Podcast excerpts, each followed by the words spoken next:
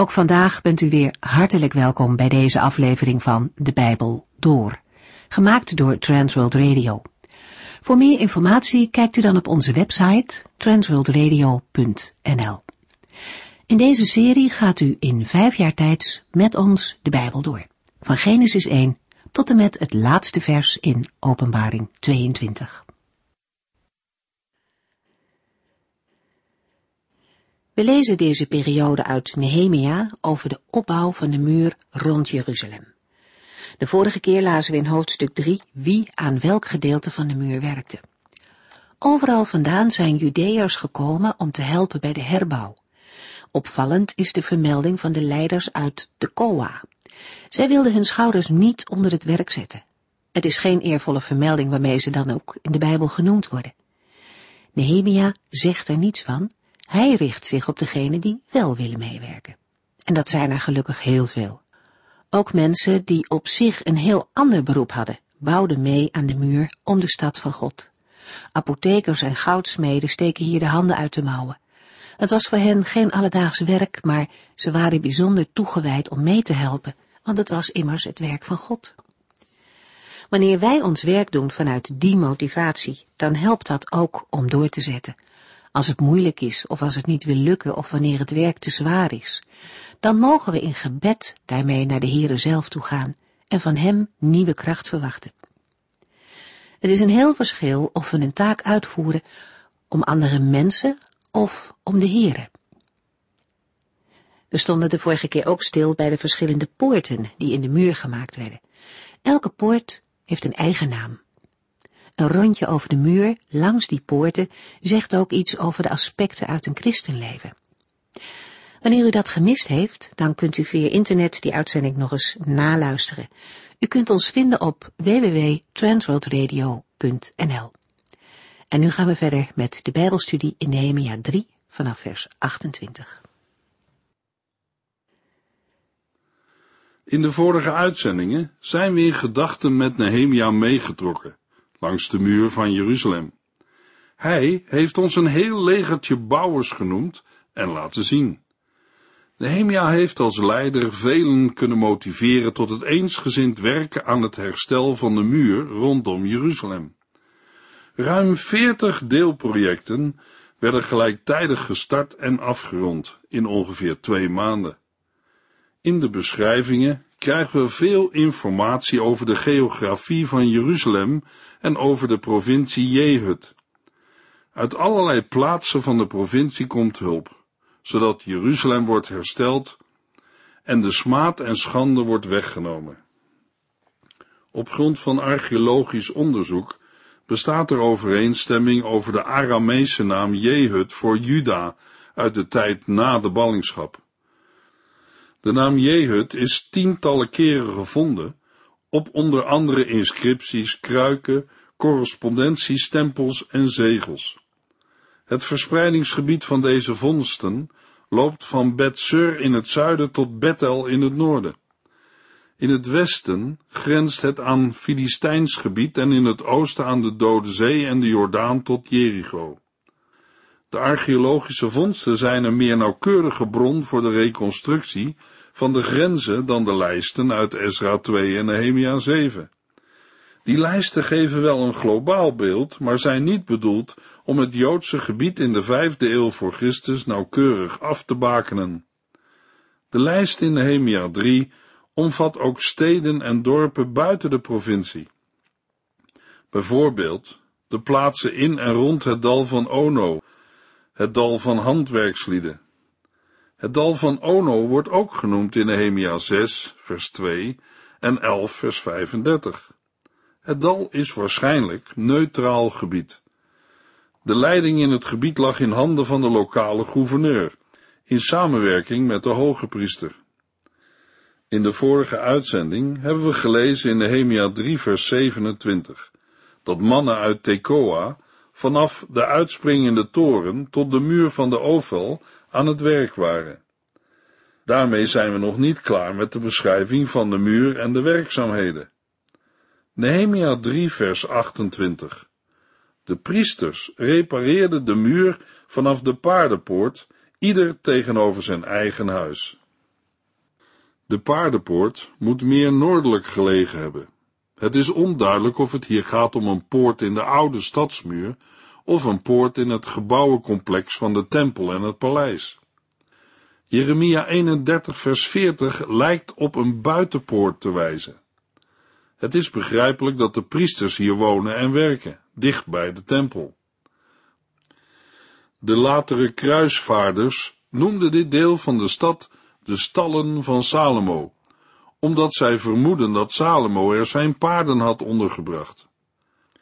In vers 28 vallen nog twee dingen op. Het eerste is de aanduiding van de werkers. Het zijn de priesters.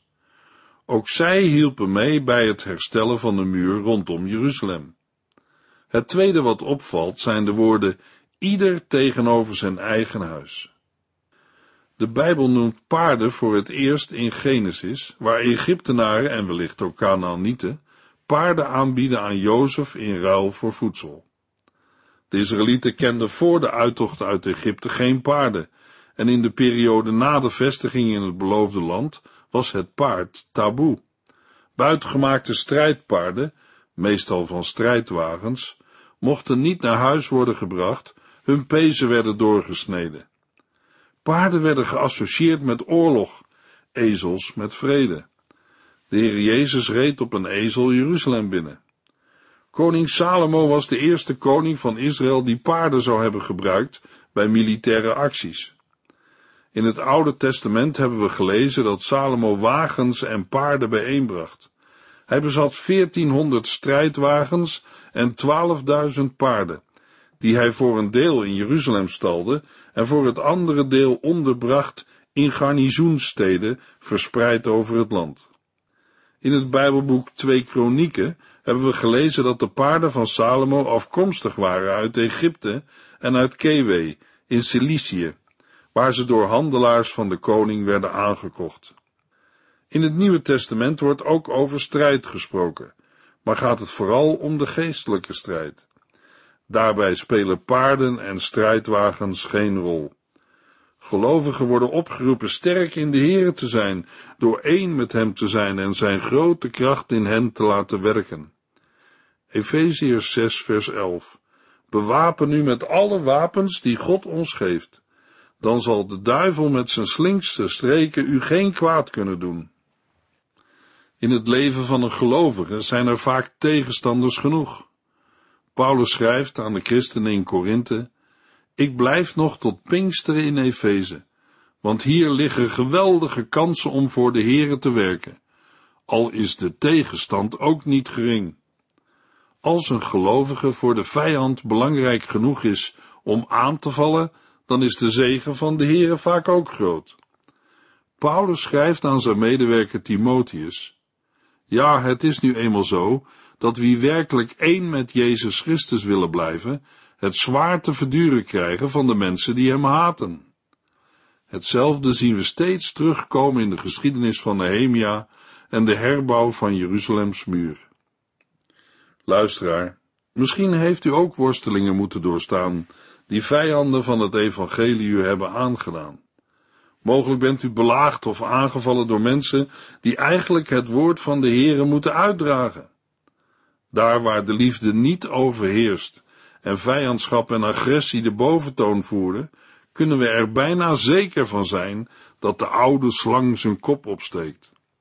Hoe moet een gelovige zich tegen deze dingen wapenen? Efeziërs 6 vers 13 Bewapen u met al Gods wapens, om u te kunnen verdedigen als de vijand aanvalt.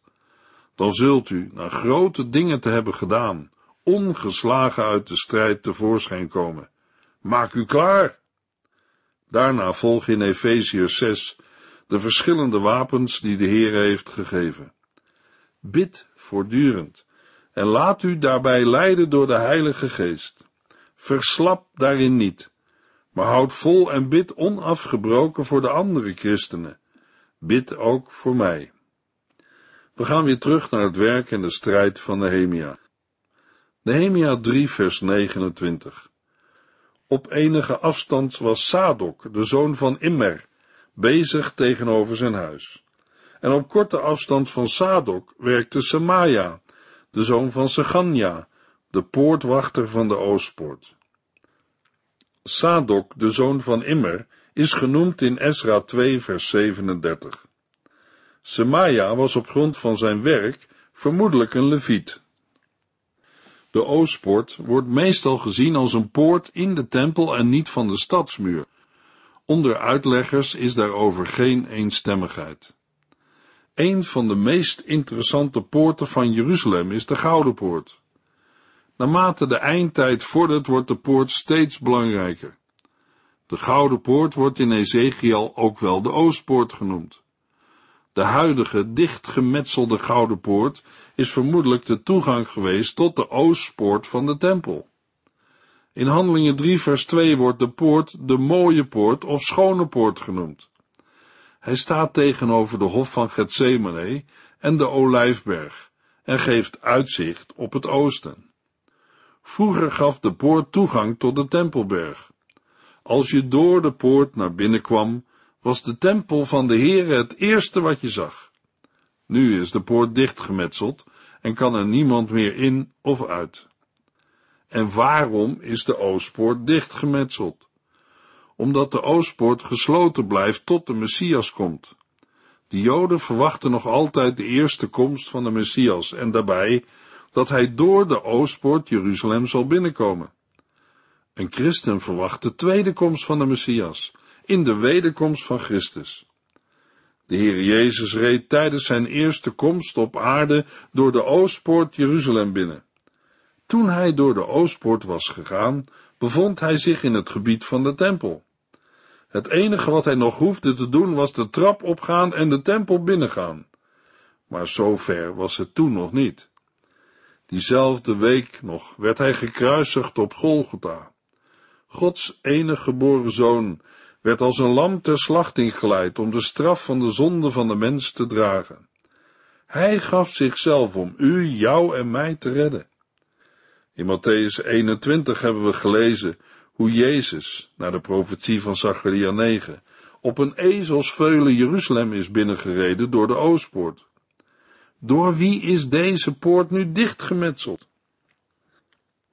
Waarschijnlijk is de Oostpoort in de achtste eeuw na Christus gesloten, vermoedelijk door kalif Omar, een Arabische heerser die op de plaats waar de tempel stond de moskee van Omar heeft gebouwd. Vanuit de Bijbel is er vanuit de profetieën van de profeet Ezekiel meer duidelijkheid te geven over waarom de Oostpoort werd gesloten en hoe lang de poort gesloten zal blijven. Ezekiel 44 vers 1 en 2 zegt, Toen bracht de man mij terug naar de oostelijke poort in de buitenmuur, maar die was gesloten. Hij zei tegen mij, deze poort moet gesloten blijven. Niemand zal er doorheen gaan, want de Heere, de God van Israël, is door deze poort binnengekomen en daarom zal hij gesloten blijven. Met andere woorden, door goddelijke openbaring zag Ezekiel 600 jaar voor Christus dat Jezus door de Oostpoort zou gaan en dat de poort daarna gesloten zou worden. Wanneer zou deze poort worden gesloten? Ezekiel 46 vers 12. Elke keer wanneer de koning een extra brandoffer of vredeoffer voor de Here komt brengen, moet de binnenste oostelijke poort voor hem worden geopend, en zal hij zijn offers net zo aanbieden als op de sabbatten. Daarna zal hij langs dezelfde weg terugkeren en de poort zal achter hem worden gesloten. In Ezekiel 46 vers 2 lezen we, de koning zal het voorportaal in de buitenste muur binnengaan en doorlopen naar de binnenste muur aan de overkant van de voorhof, terwijl de priesters zijn brandoffer en vredeoffer offeren. Hij zal in de gang tot de Heere bidden en daarna teruggaan naar de ingang, die tot de avond geopend zal blijven. Als de poort gesloten is, wordt in Ezekiel 46 vers 1 verteld wanneer hij weer wordt geopend. De oppermachtige Heere zegt dat de oostelijke poort in de binnenste muur tijdens de zes werkdagen gesloten moet blijven, maar op de Sabbat en de dagen van de viering van de nieuwe maan moet worden geopend. De sleutel van deze profetie is dat de oostpoort de buitenste poort van de tempel is. Deze poort opent vanuit de hof van Gethsemane, aan de voet van de Olijfberg, de toegang tot de tempel. In de koning die wordt genoemd zien wij Christus als de grote koning. In het verband van de profetie van Ezekiel brengt de koning een vrijwillig offer, een brandoffer en een vredeoffer, als vrijwillige gave aan de Here. Zo heeft ook Christus zich voor ons opgeofferd aan het kruis. Onze ogen zijn gefocust op de wederkomst van de Heer Jezus Christus. Op zekere dag zal de gouden poort opengaan en Jezus zal als koning der koningen door de poort wandelen om plaats te nemen op de troon van zijn vader David, om tenslotte als terugkerende vredevorst zijn totale overwinning te vestigen als hij al de vijanden heeft gemaakt tot voetbank van zijn voeten. De vorst van de duisternis is overwonnen en de gelovigen zullen met hem als koningen heersen. 1 Thessalonicense 4 vers 16 en 17 Want als het signaal klinkt, als een van de voornaamste engelen zijn stem laat horen en de trompet van God schalt, zal de Heere zelf uit de hemel neerdalen. Dan zullen de gestorven christenen eerst opstaan en daarna zullen wij, die op dat moment nog leven, met hen in de wolken worden opgenomen om de Heer in de lucht te ontmoeten en altijd bij hem te zijn. Met dit nieuws kunt u elkaar troosten en bemoedigen. Poortwachter zijn bij de Oostpoort betekent vandaag uitzien naar de wederkomst van Christus. Een dicht gemetselde Oostpoort kan zijn komst niet tegenhouden. Nehemia 3 vers 30 Ganania, de zoon van Salemja, en Ganun, de zesde zoon van Salaf, herstelde een volgend stuk. Mesullam, de zoon van Berechja, was tegenover zijn eigen woning bezig. Het is opvallend dat Ganun de zesde zoon genoemd wordt, want dergelijke details ontbreken tot nu toe. Is Ganun dezelfde als in vers 13? Daartegen pleit dat zijn vader niet in vers 13 wordt genoemd en hij bij de inwoners van Zanoa hoort. Mesullam, de zoon van Berechja, is al in vers 4 genoemd. Voor de vertaling tegenover zijn eigen woning staat in het Hebreeuws tegenover zijn eigen kamer. De genoemde kamer lijkt een officiële kamer te zijn, zoals de kamers die in de tempel aanwezig waren. Tobia, die door een huwelijk verwant was met Mesullam, kreeg later een dergelijke kamer in de tempel. Nehemia 3 vers 31 Nog weer verderop werkte Malkia, de goudsmid, tot aan het gebouw van de tempelknechten en handelaren, dat tegenover de wachtpoort ligt. Toen hij daarmee klaar was, ging hij verder met het stuk muur tot de bovenzaal aan de hoek. De tempelknechten woonden elders. Het gebouw werd mogelijk gebruikt wanneer ze in de tempel dienst deden.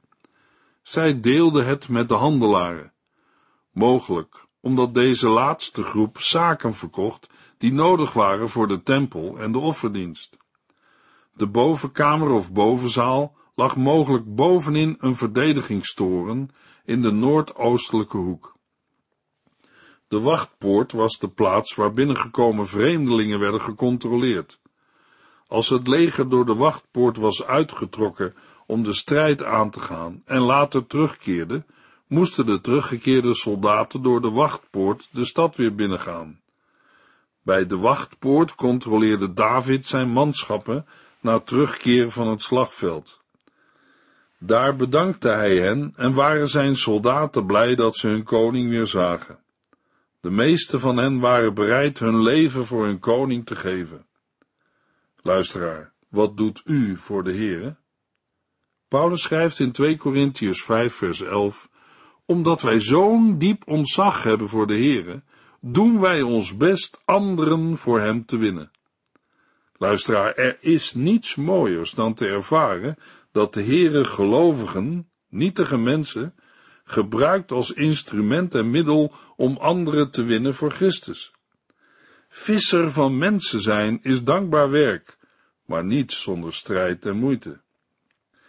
Nehemia 3 vers 32 En vanaf die hoek tot de schaapspoort waren goudsmeden en handelaars bezig met de herstelwerkzaamheden. Aan de noordkant, tussen de bovenzaal aan de hoek en de schaapspoort, zijn de goudsmeden en de handelaars met herstelwerk bezig.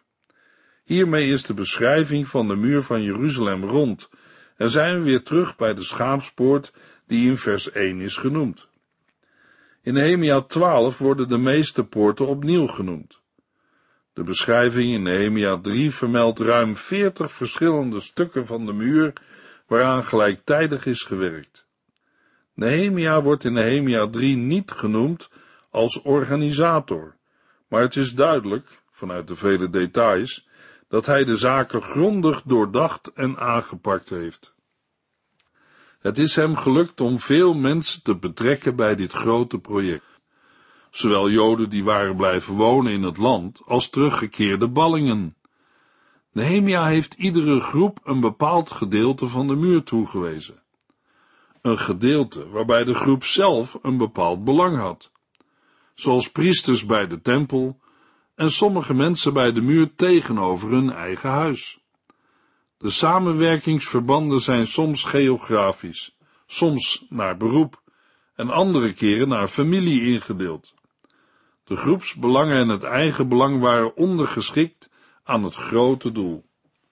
Zelfs mensen van ver weg die minder persoonlijk voordeel hadden, deden mee. De samenwerking is een van de duidelijkste kenmerken van het ideaal van een gemeenschap, kerk of gemeente. Toch deed niet iedereen mee, zoals blijkt uit de houding van de leiders uit Tekoa. Het herstel van de muur vond in korte tijd plaats, in 52 dagen. Een snelheid waardoor de vijanden niet in staat waren, net als de vorige keer in Esra 4, actie te ondernemen om de herbouw van de muur stil te leggen. Het herstel van de muur had een militair en politiek doel, om de onafhankelijkheid van Juda te tonen. Uit Nehemia 4 zal blijken dat ook de vijanden dat goed begrepen. De herstelde muur gaf ook een gevoel van identiteit en anders zijn. De voltooiing betekende ook dat er een eind was gekomen aan de vernedering en schande die gepaard ging met de verwoesting. De herbouwde tempel en de herstelde muur verzekerden de Joden van Gods aanwezigheid. Verderop in het boek Nehemia blijkt de muur ook van betekenis voor het buitensluiten van heidense invloeden. Nehemia 3 laat ook zien hoe mensen met een grote verscheidenheid aan gaven en taken ingezet worden in de dienst van de Heere. Nehemia delegeerde allerlei taken en de mensen waren bereid ongebruikelijke taken op zich te nemen ter wille van het grote doel. Er was geen uniformiteit, maar in de gemeenschappelijke doelgerichtheid kwam een geestelijke eenheid naar voren. Het eensgezinde optreden was ook een getuigenis naar buitenstaanders. En dit is ook van belang voor de uitstraling van de gemeente van Christus naar de wereld. In het Nieuwe Testament is sprake van het Jeruzalem dat uit de hemel neerdaalt en twaalf poorten heeft, maar met andere namen dan hier zijn vermeld. Tot slot, zoals beloofd in een eerdere uitzending, het volgende. Vrij veel recente Bijbelcommentaren nemen aan dat Nehemia's herbouw van Jeruzalem alleen de oorspronkelijke stad van David, de Ovel en de Tempelberg omvatte. Het grote deel aan de westzijde dat in de tijd van Hiskia werd toegevoegd, zou niet herbouwd zijn door de teruggekeerde ballingen. Dit standpunt is in recente artikelen tegengesproken. In de artikelen wordt een pleidooi gehouden voor de aanname dat Nehemia ook de brede stad van Hiskia heeft hersteld. Wat zijn daarvoor de argumenten? Ik kan ze niet allemaal noemen, maar wel de belangrijkste. In de tijd van Hiskia was er na de uitbreiding geen reden om de oude stad aan de westkant te beschermen. Daarom was er voor de ballingen geen binnenmuur meer om te herbouwen. Mogelijk dat de stenen ervan gebruikt zijn voor een deel van de nieuwe muur. Er worden tenminste zeven buitenpoorten genoemd in Nehemia. Deze poorten vormden de zwakste onderdelen van een versterkte stad en daarom had men er zo weinig mogelijk. Kleine steden hadden maar één poort, grotere steden hadden er meer. Het Bijbelboek Nehemia geeft zelf aan dat de stad groot was. Dit is zeker geen beschrijving van de stad van David met een breedte van minder dan 100 meter. Als tegenwerping kan gevraagd worden, kan een muur die langer is dan 2 kilometer in 52 dagen worden herbouwd. De grotere muur zorgt voor een totale lengte van ongeveer 3 kilometer. Het antwoord hangt af van de situatie van de bestaande muren. Volledige nieuwbouw zou onmogelijk zijn, maar bij herstel is 52 dagen geen onmogelijkheid. Het boek Esra geeft aan dat het herstel van de muur al begonnen was. De vernietiging van de zuidelijke muur was waarschijnlijk minimaal, omdat Nehemia daar op zijn rijdier kon blijven zitten, tot de aspoort toe. Pas vanaf dat gedeelte en bij de bronpoort was de vernietiging het grootst en moest hij afstappen. Op grond van deze overwegingen is gekozen voor de beschrijving van een brede stad, inclusief het westelijke deel. In de volgende uitzending lezen we Nehemia 4. U heeft geluisterd naar De Bijbel Door, in het Nederlands vertaald en bewerkt door Transworld Radio. Een programma waarin we in vijf jaar tijd de hele Bijbel doorgaan. Als u wilt reageren op deze uitzending of u heeft vragen, dan kunt u contact met ons opnemen. Tijdens kantooruren kunt u bellen op 0342 478432. 0342 478432. Ook kunt u een e-mail sturen naar de door at transworldradio.nl en natuurlijk kunt u ook via de post ons bereiken. TWR, postbus 371, postcode 3770, AJ in Barneveld. Dit programma werd gepresenteerd door Cor Weda en Ike André. Techniek was in handen van Odin van Voerkom. En wij allemaal bedanken u voor het luisteren. Graag tot de volgende keer.